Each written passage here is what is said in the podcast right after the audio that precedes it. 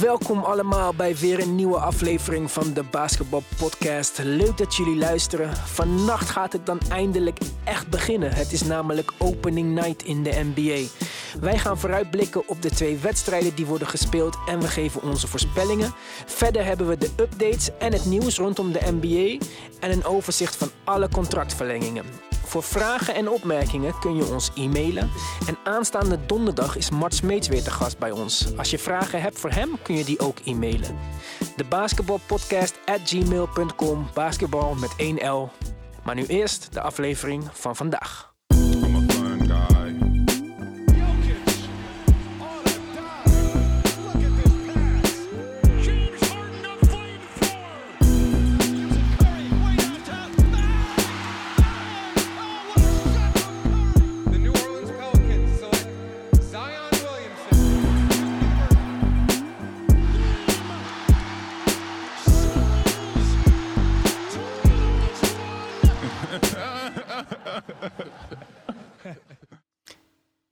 Welkom allemaal bij weer een nieuwe aflevering van de Basketball Podcast. Mijn naam is Ivan. En mede dankzij de wonderbaarlijke techniek van de 21ste eeuw aan de andere lijn David. Yo. Ja, Mark staat ook nog in de file. Het was vandaag lo- logistiek gezien allemaal een beetje lastig. Maar ja, opening night, we konden dit natuurlijk niet eh, aan ons voorbij laten gaan.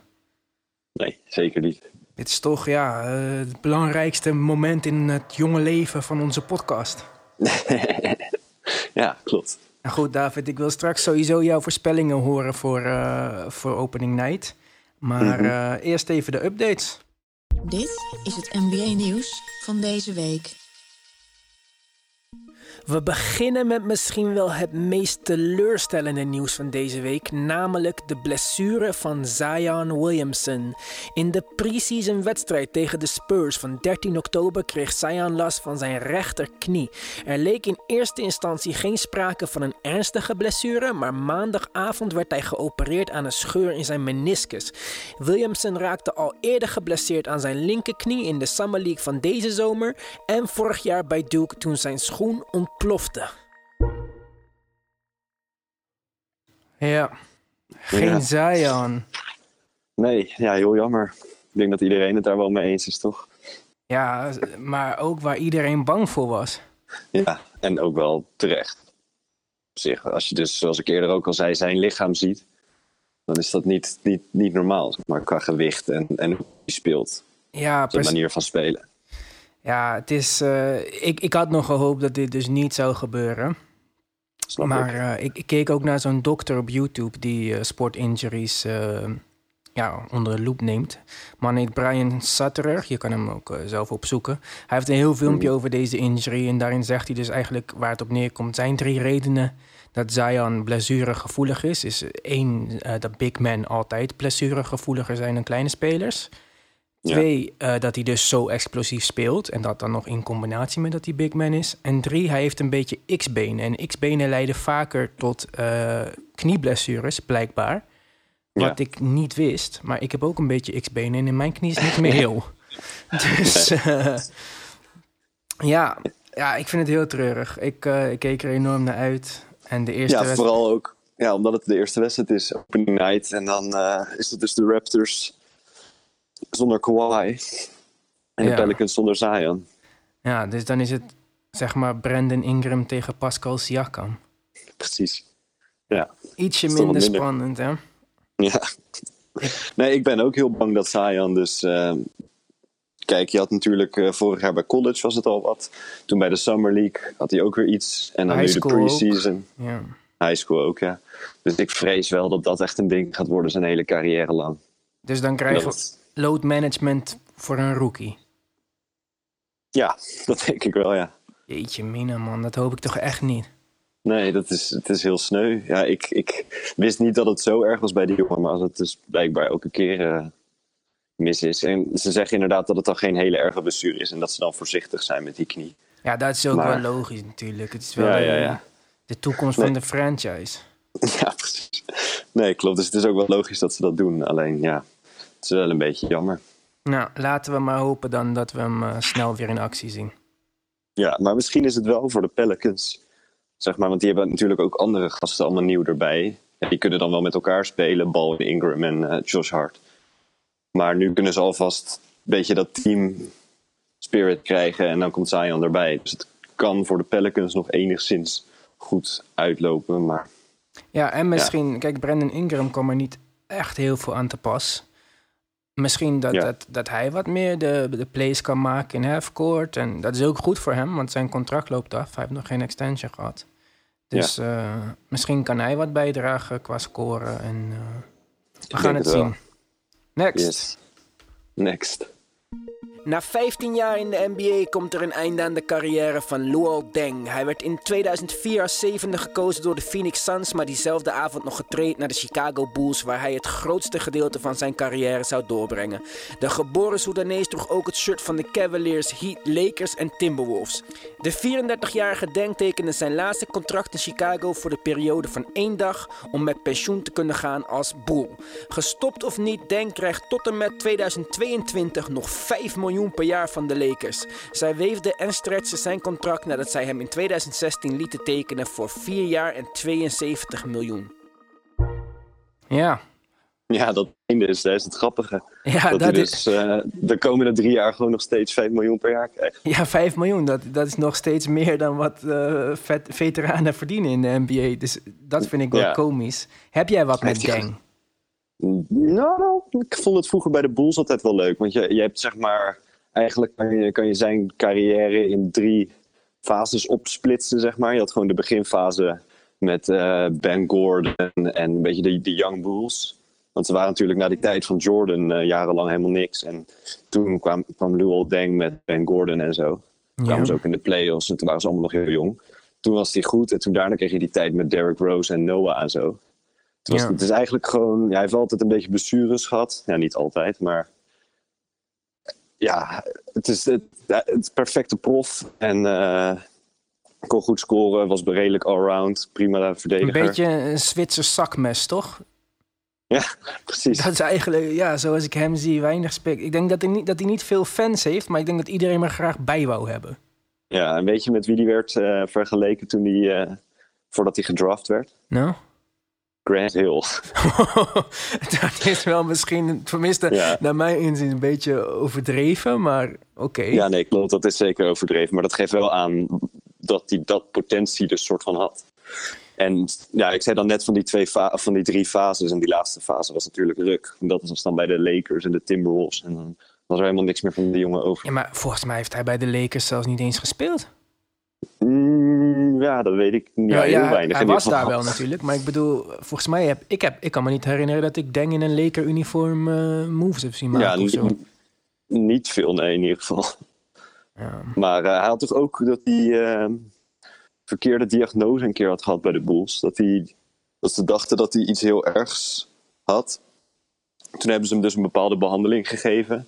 Die ook heel heftig is. Toen bleek dat hij uiteindelijk alleen maar een soort griep had. Maar hij was dus wel helemaal door die treatment van de Bulls helemaal afgevallen. En eh, Nou, Bulls Ja, dat gingen bijna- lekker die tijd met eh Derrick Rose nog ook. eh. ja, klopt. Dus dat was ook wel een gek verhaal natuurlijk. Maar wel lekker dat hij nu nog eh, doorbetaald krijgt. ja, moet je nagaan. En dat gun ik hem op zich ook wel hoor. Want hij heeft verder gewoon een, een goede NBA-carrière wel gehad.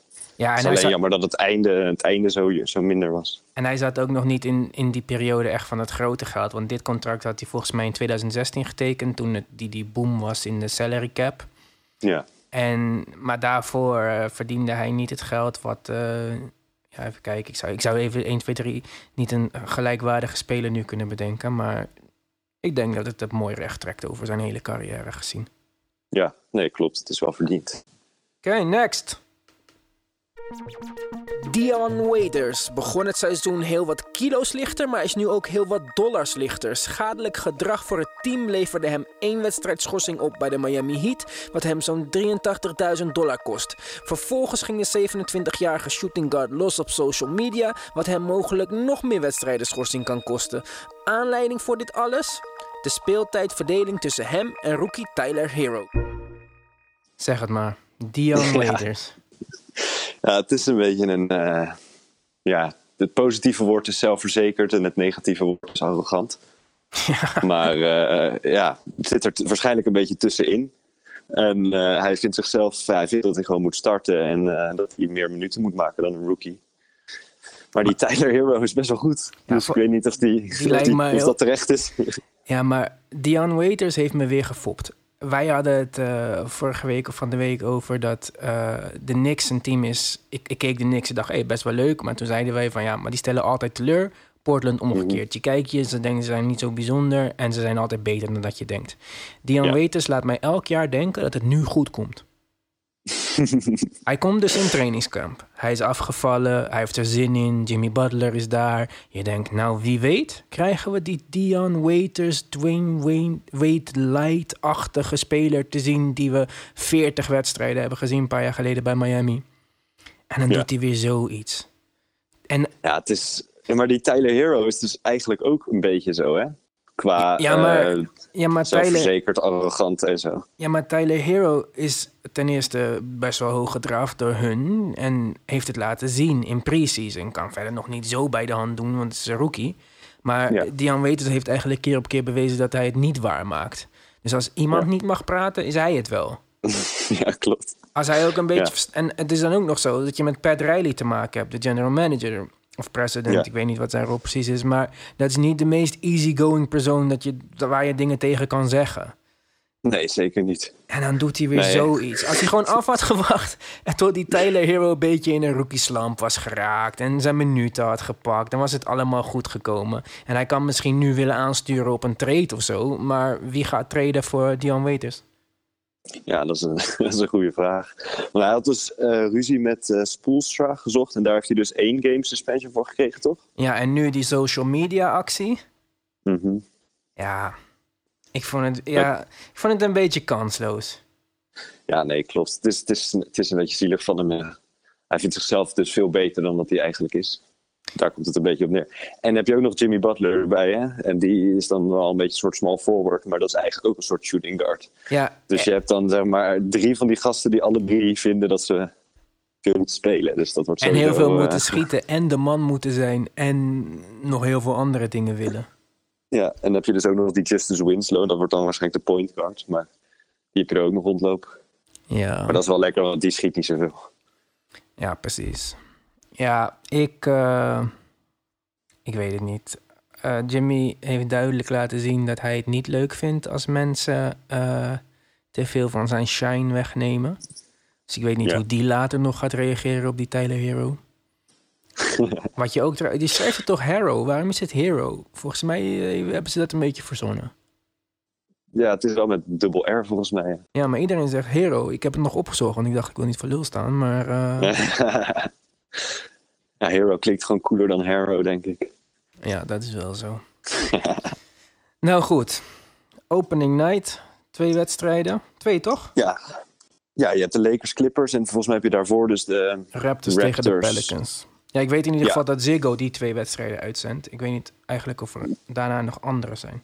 Nee, volgens mij zijn er alleen die twee, maar dat weet ik ook niet zeker. Maar ik dacht dat alleen die twee de opening night games waren. Ja, lekker voorbereid zijn wij weer, potverdorie. Ja. en de Raptors krijgen dan ook hun ringen natuurlijk. Oh jeetje, dat gaat ook nog extra tijd kosten allemaal.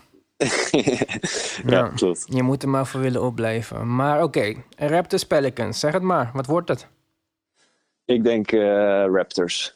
Alsnog. Want eh, ze spelen thuis. Ze hebben, misschien omdat ze die ringen net gekregen hebben, toch weer eh, extra motivatie.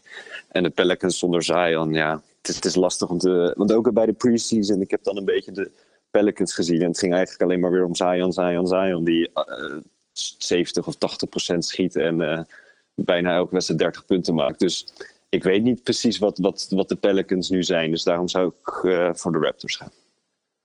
Oké. Ja, ik denk ook eh, dat het de Raptors zijn. Van mij mogen het ook de Raptors zijn, want ja, wat je zegt, ze krijgen een ring. Hawaii is al weg. Als ze dan nog verliezen van de Pelicans zonder Zion, dan begint het gelijk zo treurig. Dat gun je die mensen toch ook niet. Ja, nee, klopt. Dus daarom denk ik dat de Raptors thuis dat wel gaan eh, winnen. En de andere wedstrijd, ja, dat is. Maakt niet echt uit wie er thuis speelt, want het is toch hetzelfde. Maar eh, Nou, niet helemaal. Want eh, als de Clippers thuis spelen, dan wil Doc Rivers dat alle Lakers banners eh, bedekt worden. Ja, ja, ik vind dat hij daar eigenlijk wel gelijk in heeft hoor.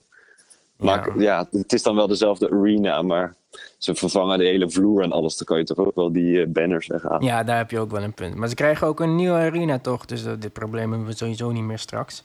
Nee, oké. Maar goed, ja, eh, Clippers, geen Paul George. Lakers, geen Kyle Kuzma. Ja, maar alsnog ga ik voor de Lakers, denk ik, deze wedstrijd. Oei, Dat is puur deze wedstrijd, hè. Niet, niet dat ik denk dat de Lakers hoger eindigen dan de Clippers, maar ik denk gewoon dat zij op dit moment nog net iets verder zijn. Dat de Clippers nog wat meer aan elkaar moeten wennen en de Lakers, dat, dat loopt op de een of andere manier al wel prima volgens mij. Ja. Ja, Maar het is lastig te voorspellen hoor. Maar als ik zou moeten kiezen, zou ik eh, voor deze wedstrijd Lakers zeggen. oké. Wie eh, wordt de topscorer van de avond? Van de vier teams. Vier teams. eh, poe, poe, poe. Anthony Davis zou ik dan zeggen. Ja, dat lijkt mij ook, joh. 35 punten. Wie gaat het meeste rebounds pakken? Eh Siakam met eh 14. Zo, dit zijn wel echt precieze voorspellingen. ja, als ik het goed heb, dan eh, vind ik wel dat ik wat van je moet krijgen. Oh, hoezo? Het is onze podcast. We moeten iets aan onszelf geven. Wat is dit? Je moet me toch belonen voor mijn voorspellingen. Ik heb kip in de oven. Je mag een stukje, maar eh, Nice, ik hou wel van kip. mooi. Eh, assist dan.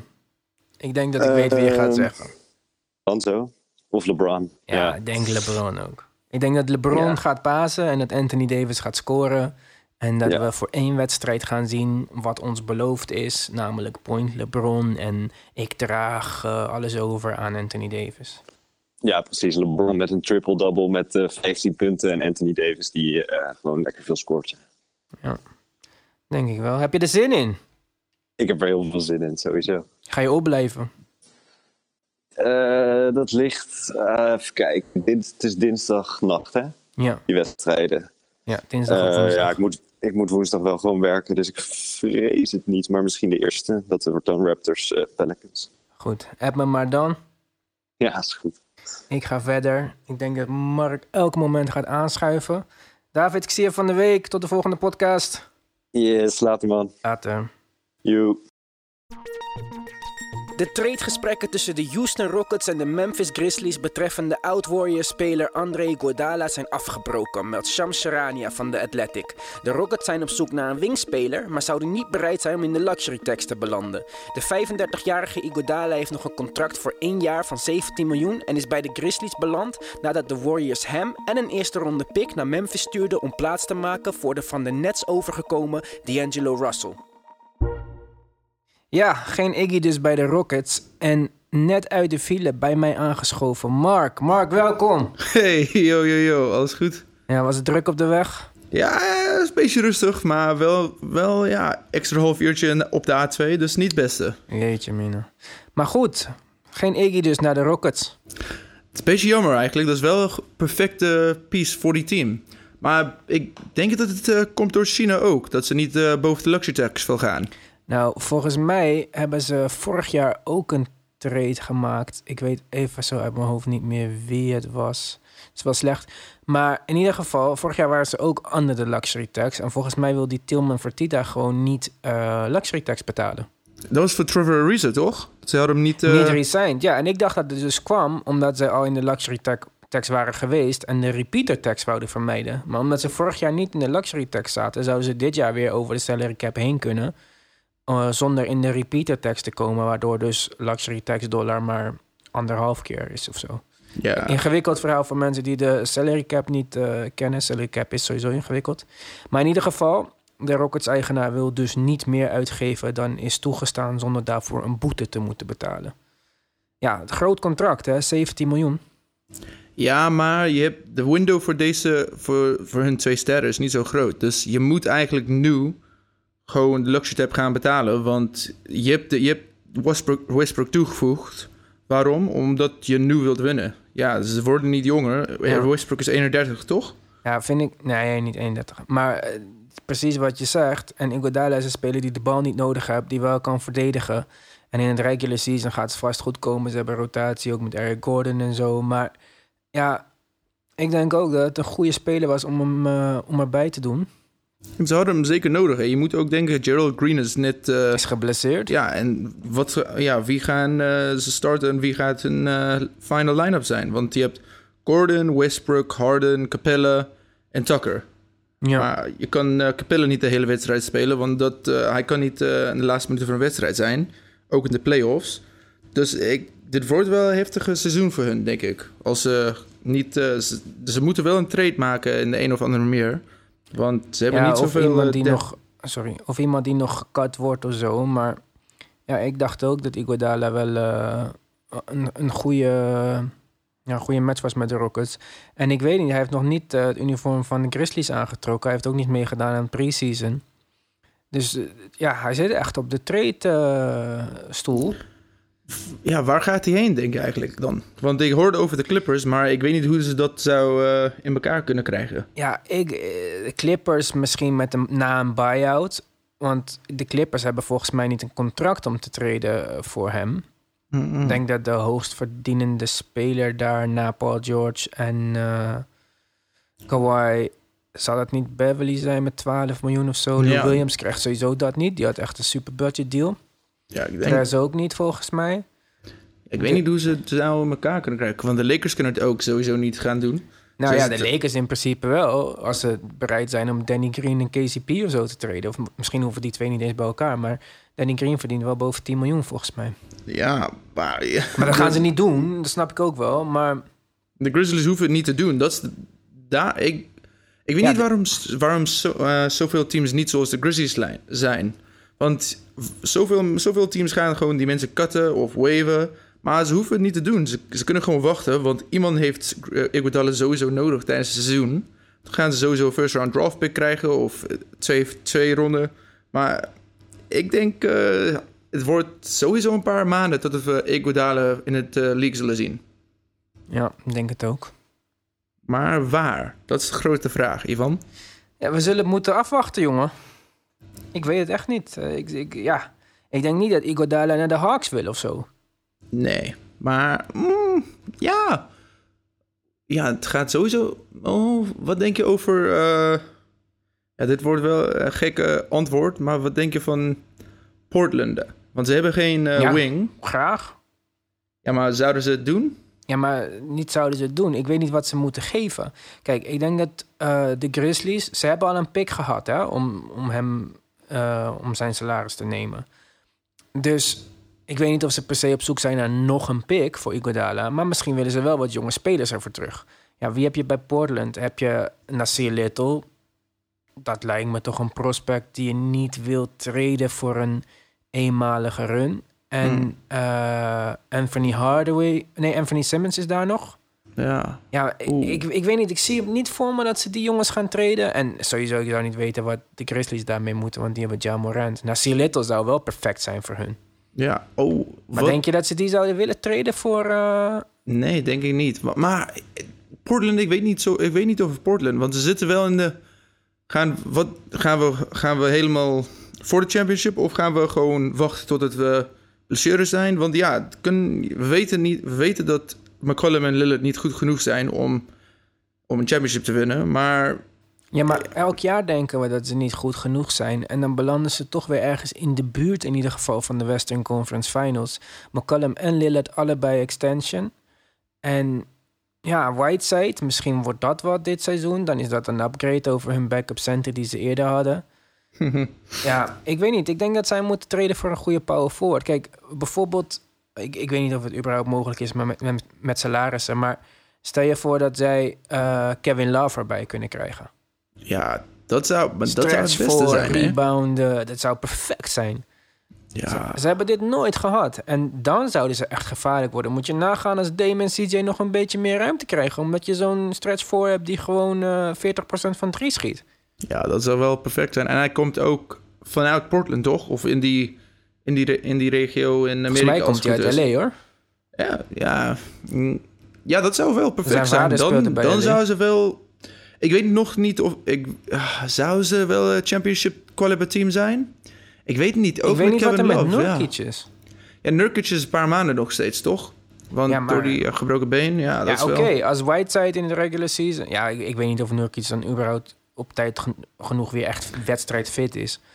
Maar Ik, over Whiteside, ik, eh, ik denk het, wordt niks in mijn, in mijn ogen. Want je moet ook denken, bij Spolstra, een van de beste coaches in, in de NBA, ook onder Pat Riley, is hij letterlijk... Hij kon nooit spelen in de, in de laatste quarter, omdat hij... Ja, hij, hij kon het niet doen. Het is gewoon niet... It's, he's not a plus, plus player. En ik denk dat het wordt... We gaan hetzelfde verhaal zien bij Portland. Ook als met Lillard, die een van de beste leiders blijkt te zijn in de NBA. Maar Whiteside is niet echt eh, een player dat eh, hun in de andere... Ja, hoe zou je het zeggen? He's not going to take them to the next level. hij zit wel in een contractjaar. Misschien wil hij extra zijn best doen. Ja, dat is wel een goeie. Hij is van niks naar 25 miljoen gegaan. Als hij nog een contract wil voor meer dan 5 miljoen, dan moet hij echt wat laten zien dit jaar. Want als hij het bij Portland niet haalt, dan weet ik niet of hij volgend jaar nog een, eh, iets meer dan een minimum krijgt. Ja. Hij is een lastige jongen. Dat is het eh, probleem als je zo'n reputatie hebt. En als hij dit jaar bij eh, Portland iets anders laat zien, dan verandert die hele mening. Dan zeggen mensen, ja, oké, bij de Heat zijn ze wel streng. Eh, kijk, hij kan toch nog steeds basketballen. Defensively is die echt... ja, staat er toch een seven-footer in de paint. Ah, Vraag je, wat denk je over Sabonis naar Portland? ja, denk ik niet. Want ik vind zijn bonus een center, omdat hij niet kan schieten. Oh ja. Mijn benieuwd. trade voor Sabonis, want eh, dat zou zijn Sabonis eh voor eh, Jalen Brown. Maar nu we het toch over Sabonis hebben, volgende onderwerp. Spelers die in 2016 gedraft zijn, kwamen dit jaar in aanmerking voor een contractverlenging. Zo tekenden Ben Simmons van de Sixers en Jamal Murray van de Nuggets beide eerder deze zomer een max rookie skill extension van 168 miljoen voor 5 jaar. Ook Caris LeVert van de Brooklyn Nets tekende bij voor 3 jaar en 52 miljoen. Waar Brandon Ingram tevergeefs wachtte op een aanbod, liet Pascal Siakam al weten dat hij niets minder dan een maximum contract verwachtte van de Raptors. General manager Masai Ujiri gaf de 27-jarige most improved speler van het afgelopen seizoen waar hij om vroeg 130 miljoen voor 4 jaar. Domantas Sabonis en Indiana kwamen er in eerste instantie niet uit, wat de Pacers er naar verluid toe bewogen om de interesse van andere teams voor de 23-jarige center te peilen. Twee uur voor de deadline op maandagavond zette hij alsnog zijn handtekening onder een contract van 77 miljoen voor 4 jaar met nog 3 miljoen aan mogelijke bonussen. Buddy Hield wilde graag een king blijven en eiste geen max van Sacramento, maar had wel dit te zeggen. And it's not what it's not always what less than the max. It's just like something that is reasonable, and uh, whereas it's not an insult. Niet per se een max dus, maar het bod van 90 miljoen wat de Kings deden vatte de 26-jarige Bahamano pas een belediging. Hij gaf ook te kennen dat als de onderhandelingen niet zouden slagen voor de deadline, hij zou aansturen op een trade. Want zo zei hij, Name one big free agent that came to Sacramento. Hilt's mediacampagne pakte goed uit. 4 jaar 110 miljoen, waarvan 86 miljoen gegarandeerd, 8 miljoen aan individuele bonussen en 16 miljoen aan teambonussen was genoeg om hem voorlopig in ieder geval in Californië te houden. Dan Jalen Brown, die voor 4 jaar en 110 miljoen het Boston groen blijft dragen. En DeShante Murray van de Spurs, die voor 4 jaar en 64 miljoen gegarandeerd in San Antonio blijft. Nadat de puntjes op de i waren gezet, was er ook een verlenging voor Bradley Beal. 130 miljoen voor 4 jaar met een speleroptie voor het laatste jaar en een tradekicker van 15%. Beal kan hierdoor minimaal 6 maanden niet getrade worden, wat betekent dat hij dit seizoen sowieso niet in een ander uniform te zien is dan dat van de Washington Wizards, aangezien de trade deadline nog binnen die 6 maanden valt. Slecht nieuws dus voor teams die zich hoopten nog dit seizoen te versterken met de tweevoudige All-Star. Als laatste de Utah Jazz, die blijkbaar tevreden zijn met de richting die het team opgaat. Ze verlengden het contract van coach Quinn Snyder en ook Joe Ingles krijgt één jaar extra voor 14 miljoen. We hadden gisteren een heel mooi item opgenomen. Alleen niet zo, niet zo slim van ons. Dat deden we namelijk twee uur voor de extension deadline. Dus we waren nog niet klaar of alle berichten kwamen binnen over nieuwe contracten. Daarom doen we het even vandaag via de telefoon. Ja, waar wil je beginnen? Zullen we beginnen met eh Sabonis eigenlijk? Dat we, dat had ik echt niet verwacht, eerlijk gezegd. Ik ook niet echt, Zoveel eerlijk geld. gezegd. Het is best een goede contract eigenlijk als je denkt eh, voor Indiana. Het is best eh, team-friendly. En hij is best tradable met die, met, ja, van hoeveel is het per jaar? Vier jaar, 77. Dus dat is, Ja, met 3 miljoen aan ja. bonus. Hè? Dus het is iets minder dan 20 miljoen per jaar. ja, dat is perfect, toch? Ja, maar Dan- je dan heb je wel 40 miljoen uitgegeven aan in, in principe twee centers. Ze willen hem starten naast Miles Turner. Dat is allemaal leuk en aardig. Maar dat moet nog wel maar gaan lukken. Daar, ja, dat, ja. Want ze, kunnen hem eigenlijk niet voor zes maanden traden, nu toch? Ze moet zes maanden wachten of eh, hoe lang Nee, mogen ze hij hem niet kan traden? wel, volgens mij kan hij wel eerder getraind worden. Maar eh, ja, m- misschien eh, inderdaad eh, kunnen ze hem alsnog treden. Maar het lijkt er echt op dat ze hem willen gaan spelen naast Miles Turner... en dat ze het willen proberen. Maar dat lijkt me echt niet het beste idee. Het enige team dat, ja, is er een team met twee centers eh, die samen kunnen spelen in de league? Nee, toch? Dat is wel iets van. Nou ja, de Sixers gaan het ook proberen natuurlijk. ja, maar, maar, oh ja, eigenlijk wel. Maar dat is meer omdat Embiid niet, niet het meest, eh, ja, hij, ja hij, is, hij is best breekbaar. Ja, hoe is het goede woord? Hij, wordt vaak injured. Dus ze hadden wel Horford nodig om hem te helpen. En Horford gaat ook niet super eh, eh, veel minuten spelen. Hè? Dus je moet. Ik weet niet over als het een goede beslissing was, maar talent is altijd belangrijk op het team. En ook voor Indiana is heel belangrijk, want de eerste paar maanden zo naar Oladipo.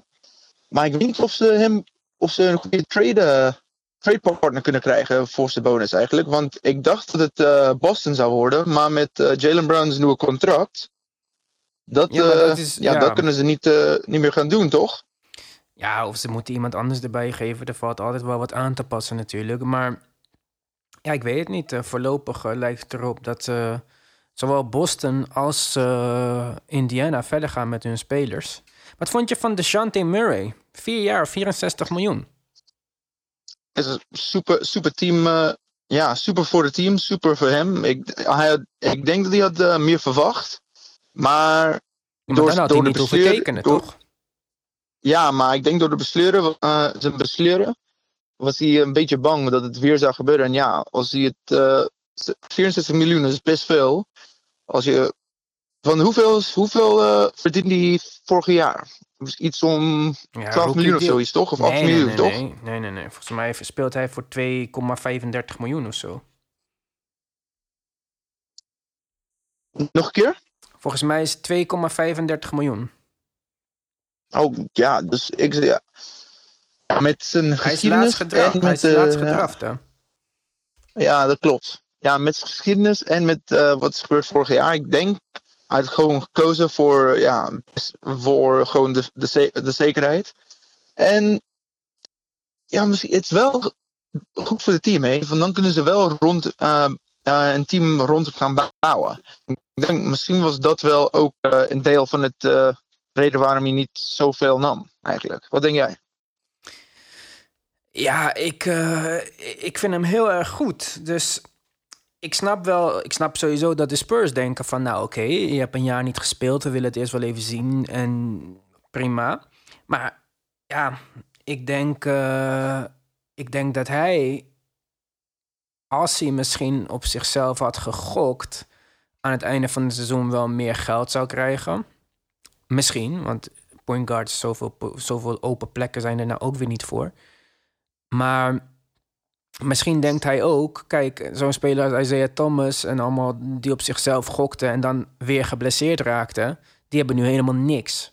Dus misschien beter Ja. 64 miljoen zeker dan misschien 80 miljoen en dan anders niks. Hij verdient nu trouwens 2,3 miljoen. Oké, ja, oké. Als, je, als, je, als je dat weet, ja, dan is het wel een hele goede beslissing van hem. Ja, ik En denk hij heeft alleen één seizoen gespeeld. Dus ja, wie weet, misschien is hij. eh, ja, is ook een knieblessure. Dus dat is sowieso een paar, een paar extra maanden voordat hij echt in top shape zal zijn. En ja, Ja, wat nog wel een raar detail is, tenminste raar is het niet, maar hij is gesigned bij Clutch Sports, eh, agency van Rich Paul. Die zijn over LeBron het James algemeen niet zo erg snel met resignen. Die, die durven meestal wel te wachten. Maar dan, ja, misschien wou die toch echt dan die zekerheid. Maar de laatste twee spelers waar ze. Ja, die niet echt de beste spelers in de wereld waren, was gewoon met Kentavious Caldwell, Caldwell Pope en Nerlens Noel, toch? Nee, niet Nerlens Noel. Kentavious Caldwell Pope. Ja, Noel heeft gebroken best volgens mij met eh Clutch Sports. Maar KCP heeft daar goede deals aan overgehouden, toch? Die hebben één keer 18 miljoen getekend. Ja, Ja, maar hij had meer, hij had meer kunnen verdienen eh, ergens anders, toch? In de lange termijn. nou, maar uiteindelijk omdat hij ging wachten. Ja, maar. En Noel, hij was, zo, hij was de agent van Noel, toch? Van Nerlens Noel, toch? Ja, maar niet meer. Zij hebben gebroken. Ja, ja, dat. eh, ik denk, zo, af en toe is het niet eh, echt perfect gaan met, eh, met clutch sports en teams. En ik denk, ze kunnen, je dus dat, zo kun je niet zijn tegen de Spurs, hè? Ja, Dan, dan is het gewoon klaar. Want, en ze willen. Ja dat is Ik denk dat is wel een goede beslissing van hun. Want eh, je, met de Spurs wil je altijd een goede band hebben. Ook eh, voor de toekomst. Met eh, Rich Paul is het belangrijk dat hij wel. Ja, hij heeft wel goede contacten in de league. Ja, En de voordat hij Spurs zijn teams waar je niet echt kunnen spelen, toch? Ja, precies. Eh, Brandon Ingram, geen contract. Raar of niet raar? Niet raar. Ik denk hij heeft het nog niet verdiend. Hij is in een nieuwe team ook. Dus eh, dat duurt wel even. Dat willen we even zien. Als hij, als hij vorig jaar bij de Pelicans was, had hij sowieso een, eh, eh, een extension gekregen, denk ik. Maar omdat hij net van die, net- van die eh, bloed, bloedklots. En met alle problemen, en niet de beste preseason. Ik denk het voor hem en voor, voor hem, het is veel beter als hij deze seizoen kan spelen. Dan kan hij meer verdienen in restricted free agency. En ook voor Ja, de voor. Pelicans, ze weten niet. hij is meer van een trade asset als laat een seizoen kunnen traden. Maar Dus stel je, stel je voor dat hij nou eindelijk die verwachtingen waarmaakt die men van hem had. Dat hij echt het talent is. Zion is nu uitgeschakeld voor eh, acht weken, minimaal met zijn meniscus. ja, Dan eh, heb je natuurlijk wel kans dat in een zwakke free agency, eh, zwak free agency jaar in 2020, dat iemand hem een groot contract geeft en dat het de Pelicans een stuk meer geld kost om hem te resignen. Ik weet niet of ze überhaupt onderhandeld hebben, maar misschien was zo'n contract à la DeJounte Murray aanbieden eh, verstandig geweest. ja, misschien wel. Maar ik denk met alles, de, met alles wat gebeurt in New Orleans, met, eh, met, ik denk dat het niet de beste beslissing was. En ze hebben ook niet het beste eh, record qua injuries met de spelers. Want ze hebben niet het beste medical team. Wie? Dus ik denk dat eh, de Pelicans. Ja, als je kijkt ze, hebben naar die de- medica- ze hebben de- net deze zomer de medical staff of die medical dokter van de Suns overgenomen. En die staat echt bekend als een van de, de, de beste dokters. Ja, oké. Ja, daar Onder David Griffin is alles Dat- veranderd. dat hè? Je kan dat niet eh, betrekken op eh, Anthony Davis tijd. Want die mensen waren allemaal anders. Hmm. Maar goed, Buddy Hield. Hij heeft een ingewikkeld contract. De Kings doen alleen maar ingewikkelde contracten. En eh, ja, hij heeft dus 86 miljoen gegarandeerd. En 8 miljoen aan individuele bonussen. Die zijn eh drie punt schieten, dat soort dingen. zijn waarschijnlijk wel ehm, likely dat hij die gaat halen. Maar dan zijn er nog Mhm. 16 miljoen aan teambonussen aan verbonden. Dus play-offs halen, dat soort dingen. Die zijn wat iets minder zeker. En eh, in plaats van een contract wat elk jaar omhoog gaat, dus stijgt 20, 22, 24, 26, eh, gaat die van hem begint hoog en daalt. Net als die van Harrison Barnes. Dus wat de Kings eigenlijk doen, is ze geven het geld uit wat ze nu hebben. En in de komende jaren worden de contracten minder waard. Wat de spelers dus ook weer ehm, makkelijker te treden maakt. Want in een tijd dat de cap omhoog gaat, kan je, heb je een lager contract. Vind je dat slim? Of zeg je nou, het is niet zo relevant? Ja, super slim. Het past ook bij eh, hun timeline. Want ja, je hebt Fox in de komende jaren en je hebt eh, Bagley. Dat zijn, die die eh, zullen sowieso ook grote contracten willen hebben. En dan, komt het goed, dan zou het perfect eruit komen. Want ze kunnen makkelijk treden, zoals je zei. Dan kun je Fox en Bagley houden, met, omdat je hun kunnen betalen. En daardoor heb je je core voor minstens de komende vier jaar. Als, als ze het goed doen, kunnen ze die vier eh, samenhouden voor de komende vier jaar. En dat eh, lijkt me ook in, eh, met de jong spelers, lijkt me het beste idee voor hun eigenlijk. Want de Western Conference verandert altijd. En als ze een beetje van een consistent team kunnen houden voor de komende jaar, kunnen ze alleen maar beter worden in mijn ogen. Ja, nou lekker toch. En dan het laatste, Joe Ingles. Jingles. 14 miljoen om nog één jaar langer bij Utah te blijven. Dus tot 2021, 22 loopt zijn contract nu. Vind je dat een iets? Ja, ik vond het een beetje niet super apart of zo, maar hij is al wat ouder. Ze hebben eh, Bogdanovic ook nu daar. Eh, hij gaat niet meer starten waarschijnlijk. Waarom zo'n vroege verlenging, denk jij? Ehm, ja, hij is comfortabel, hij is blij en hij is blij daar. Hij wordt eh, uit een van hun eh, core spelers. Dus het is wel belangrijk dat ze, dat ze die dat ze gewoon de culture, eh, culture kunnen, ja, hoe zeg je dat? They can keep Ja, the culture going. voortzetten. Ja, ik Dus ik snap denk- het. Ze hebben natuurlijk... Dus ik denk dat het wel eh, een hele goede beslissing. En het is niet zoveel. Het is niet lange termijn. Dus is het niet eh, zo slecht voor hun eh, cap, eh, voor hun cap salary. En ik denk hij, hij past bij het team voor de komende jaar. En waar kun je gewoon eh, een eh, three-point shooter defender vinden zoals hem? Op de ja, markt voor maar Utah. tot Dus- 2022 zitten ze wel eh, een beetje lockdown met dit eh, team wat ze nu hebben. En Ja. ook al hebben ze natuurlijk, het is een ander team, eh, Rubio is veranderd in Conley. Maar tot nu toe zijn de resultaten nog niet daar dat je zegt van nou, we moeten dit echt per se voortzetten. Dus ze geloven echt, echt in dit team. ja, het, het, Ik weet niet of ik dit... eh, ja, ja, het we is gaan belangrijk het voor zien, het team. maar- Ja. Goed, is eh, belangrijk. jij moet weer ja. aan het werk volgens mij. ja, klopt. Dankjewel dat je even tijd hebt gemaakt. Dan pikken we nu weer het gesprek van gisteren op. Beetje raar voor de luisteraars thuis. We gaan van telefoon naar studio. Maar ja, we proberen toch eh, jullie echt het laatste nieuws te brengen. En dit was even nodig vandaag. Mark, dankjewel. Ik zie je donderdag. Yo. Eh, Bradley Beal. Hey, dat... Dit, Ja, ik was eh, een podcast aan het luisteren vanmiddag en ik, ik dacht, dit kan nog echt een seizoen zijn waar Bradley Beal gewoon 30 punten per wedstrijd gaat scoren voor een lottery team. Dat denk ik echt. ja, maar waarom doet hij dit? Want hij kan... Je kiest dus voor ellende. Je kan mij, ja, ik weet niet, misschien zie ik het fout hoor. Maar kan je mij echt vertellen dat, dat hij denkt dat het goed gaat komen dit seizoen met de Wizards? Dat hij gelooft in het nieuwe bestuur? Ik bedoel, alle teams zaten te azen op deze jongen. Denver, Lakers, iedereen wou Bradley Beal erbij hebben dit jaar.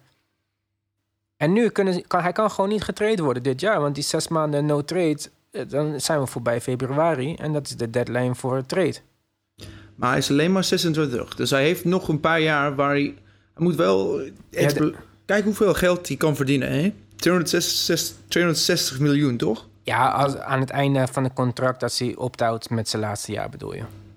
Dat is nog best veel, hè? Ja, het is een ingewikkeld contract, hè? Want hij heeft dus een player-optie voor het laatste jaar. Trade kicker. Trade-kicker van 15%, dat is ook niet niks. en die speler-optie voor het laatste jaar, dat is wel een interessant detail.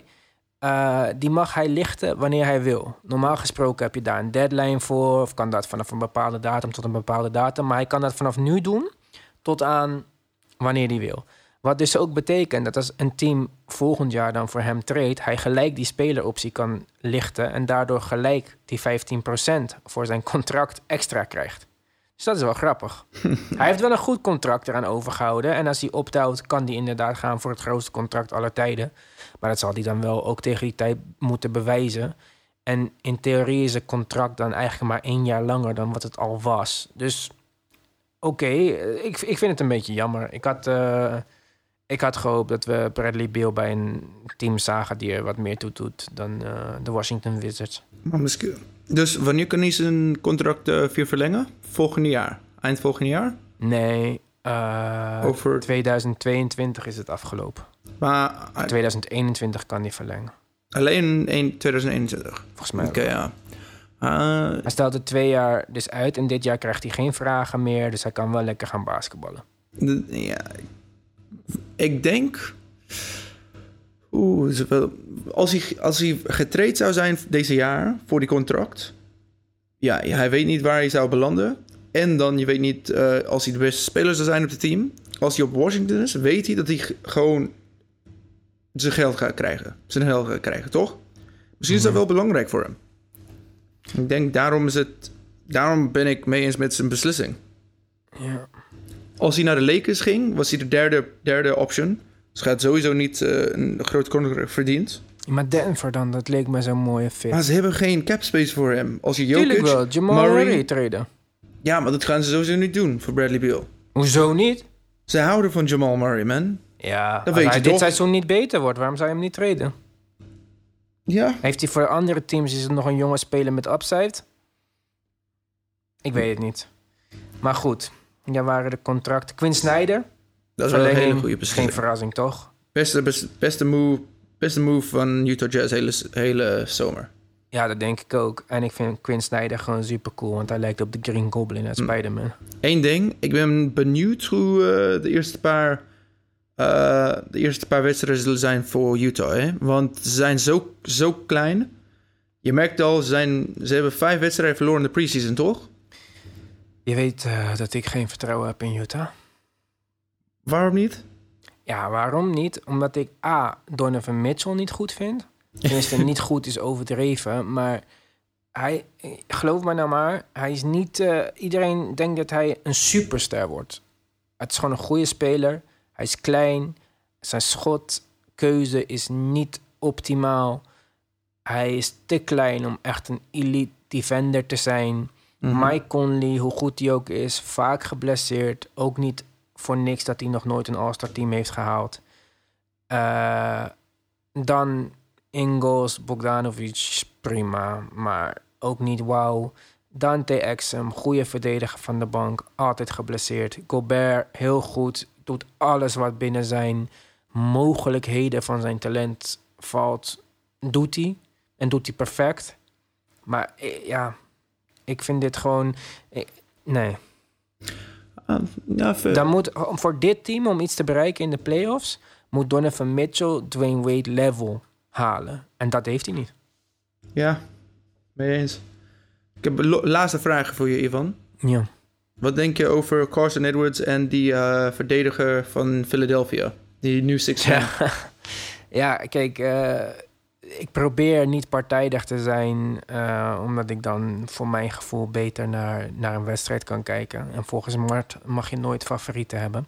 Maar ik ben toch stiekem een beetje voor Philadelphia. Eh Carson Edwards, acht drie punters, derde kwart in negen minuten. Ja. ja, dit is natuurlijk ziek. Ik kreeg bijna een beetje Isaiah Thomas flashbacks en dan mixed met eh Clay Thompson of zo. maar hij is klein, hè. Dit is leuk en hij kan zeker goed schieten. Misschien wordt hij, krijgt hij een prachtige carrière.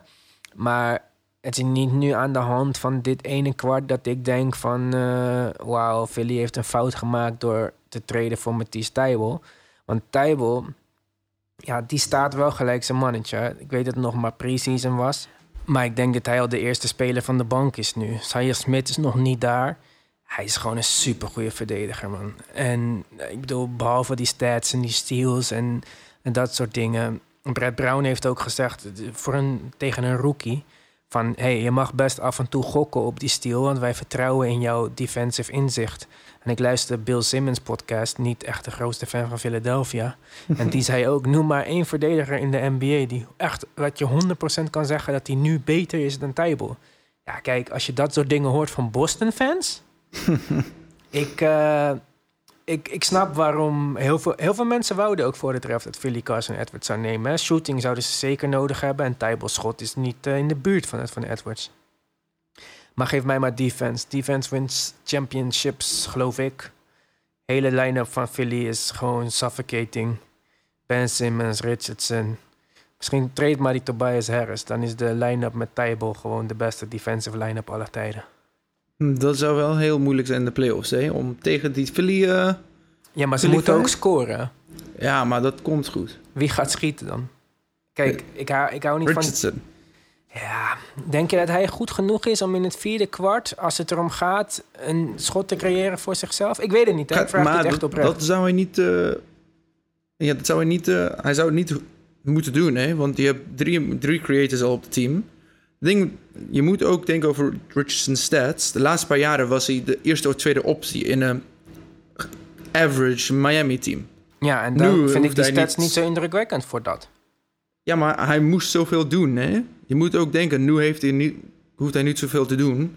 Heeft hij meer energie, kan hij beter verdedigen, kan hij beter schieten. is een beetje moeilijk als je, als je het double team krijgt elke keer aan de, aan de la- laatste paar minuten van de wedstrijd. Als je op een slechte team zijn. Oké, maar wie krijgt de bal dan? Wie moet, iemand moet scoren, vierde kwart. Wie geef je de bal? Josh Richardson. Toch hem. Niet Tobias Harris, niet Embiid in de post. Het, als je de bal naar een B kan krijgen, jawel. Maar dat is een beetje moeilijk, hè? Dat weet je, dat weet je ook. Ja, oké. Ja, ik weet het niet. Ik, ik ben blij met Tybal. Het hoeft er niet die Carson Edwards te halen. Voor Hm. mij. Eh, Leuk als ze allebei hadden kunnen krijgen, maar... eh, nee, ik denk dat Philly oké heeft gedaan door te treden voor hem. Wat denk jij?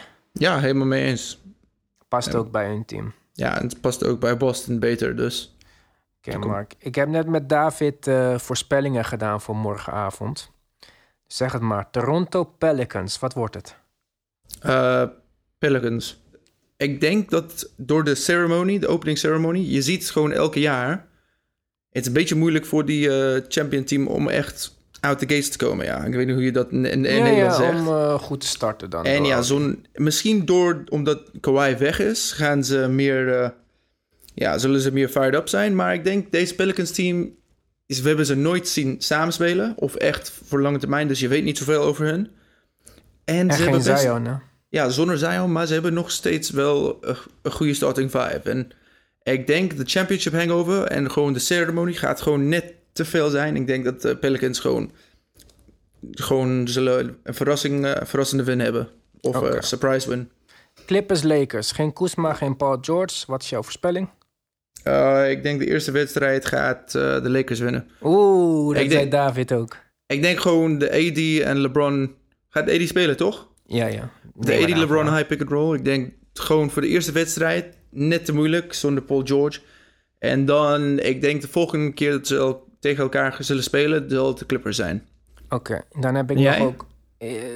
ik denk... eh, ik ga gewoon tegen jullie in, want jullie hebben allebei Lakers gezegd. Dus ik ga voor de Clippers. Als ik dan geen gelijk heb, dan boeit het me niet. En als ik wel gelijk heb, kan ik lekker haha zeggen.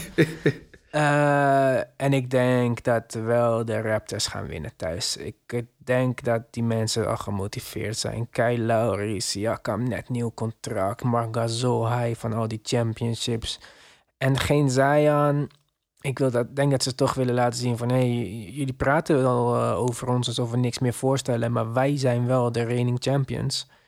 Hier zijn we dan. En bij de Clippers, Lakers... ik ga gewoon Clippers zeggen, want... eh, ik denk dat ik ernaast ga zitten, maar oké. Dan had ik nog, eh, ook met David al gedaan... wie wordt de topscorer van morgenavond? Dus van beide wedstrijden, wie is de topscorer? AD. Ja. Wat zei David? Ja, dat en ik ook. dus eh, dat, dat, dat denk ik ook. David had nog precieze puntvoorspelling. Had je, heb jij die ook nog? Eh 100 en... Nee, nee, nee. Van Anthony Oh, Davis. van Anthony Davis. eh 39. Ja, dus dat je in de buurt. Volgens mij zei David iets- met 40. Ik weet niet. Met zeker. 40? Ja. Oké, meeste rebounds? Meeste rebounds, Dwight Howard, voor 12. Hey, Met 12. dat is interessant. Daar En had jij? ik niet aan gedacht. Oh, eh, oh, beide wedstrijden? Oef, Ja, even denken. David zei Siakam. Wie is de center voor de Pelicans weer? Dat is... Ah, Derek Favors. Wordt hem niet... Oeh, Montrezl Harrell. Mm, Nee. Misschien LeBron, hè? Ik denk, ik denk misschien eh, dat ik denk dat je Dwight Howard keuze wel misschien uh, misschien kan het wel. Ik vind dat een, ik zou ik zou daarbij blijven als ik jou was. Ja, 12 rebounds, uh, 10 rebounds, Dwight Howard. En 12 12. punten van hem ook. Oké. Okay. En wie gaat de meeste assist hebben? Uh, zonder te denken. Ja, ik weet wie je gaat zeggen. Mijn keuze, zijn keuze, iedereen keuze. Zeg maar. Denk je LeBron? Nee, ja. ik denk niet LeBron. Ik denk, oh. Kyle, ik denk Kyle Lowry. Echt? Ja. Oh, ik dacht LeBron zeker. Helemaal is AD. Het is tussen Siakam of Kyle Lowry morgen. Want die Pelicans verdediging van is alle niet zo... wedstrijden? Ja.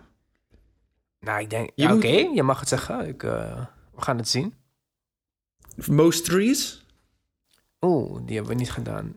Van het team of welke speler? Welke speler in de eerste twee wedstrijden? Oké, even denken hoor. Bij de Ik, eh, Pelicans niet Lonzo, niet Drew Ingram. Nee, niemand. Bij Lakers ook niemand. Nee? Hmm, wie? Danny Green? Danny Green. Nee, joh. Waarom niet? denk ik absoluut niet. Even denken hoor. Dan hebben we bij de Clippers kan het zijn Kawhi. Hm? Hmm, kan zijn Landry Shamet opeens super hot of zo. hey, lachen, het kan best. Eh, ik denk het gaat dus... eh, ik ga gewoon een beetje gekke dingen zeggen, want eh, anders wordt het ook weer zo saai. Gaat tussen Landry Shamet Mhm. en Kyle Lowry. Fred Van Vliet. Oeh, goeie. Ik denk, ja, dat morgen... Ja, goeie, hij goeie, het starten, toch? Denk het wel. Ik zou niet weten wie aan... Of, even kijken.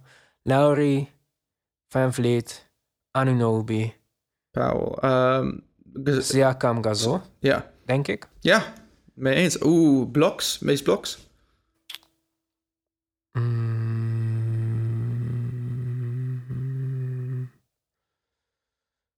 Niet van de Clippers. Nee. Kan het zijn... Dat gaat dan voor mij tussen... Nee, weet je wat? Ik, ik geef de Pelicans ook wat, anders wordt het zo saai. Dirk Favors. Oké, oké. Oké, wie gaat de, eh, de meest verrassende speler zijn morgen? Ik denk Lonzo. Ja, ik vind hem niet verrassend, want ik vind hem goed. Ehm, even kijken. Nou, bij de Lakers niemand, omdat ik denk dat iedereen heel veel verwacht van hun. Bij Clippers, Beverly, pff, weten we precies. Kawhi gaat super zijn. Nou, ik hoop dat voor mij Siakam verrassend gaat zijn. Want ik weet dus niet of hij wel echt de number one optie van een team is. Dus ik hoop gewoon dat hij heel goed is en dat Toronto relevant is dit jaar. Ja, ja, dat is goeie. Dat is goeie. Denk ik. Ga je opblijven? Morgen eh, denk ik wel. Ik ga gewoon eh, vroeg, vroeg terug van werk, slapen en dan wakker worden Ja, voor werk. En dan gewoon de hele dag doorgaan. Oké, nou, app me maar tijdens de wedstrijd dan. Gaan we samen kijken?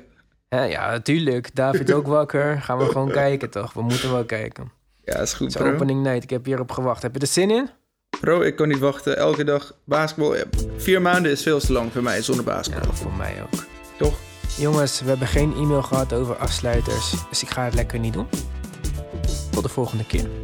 Yo.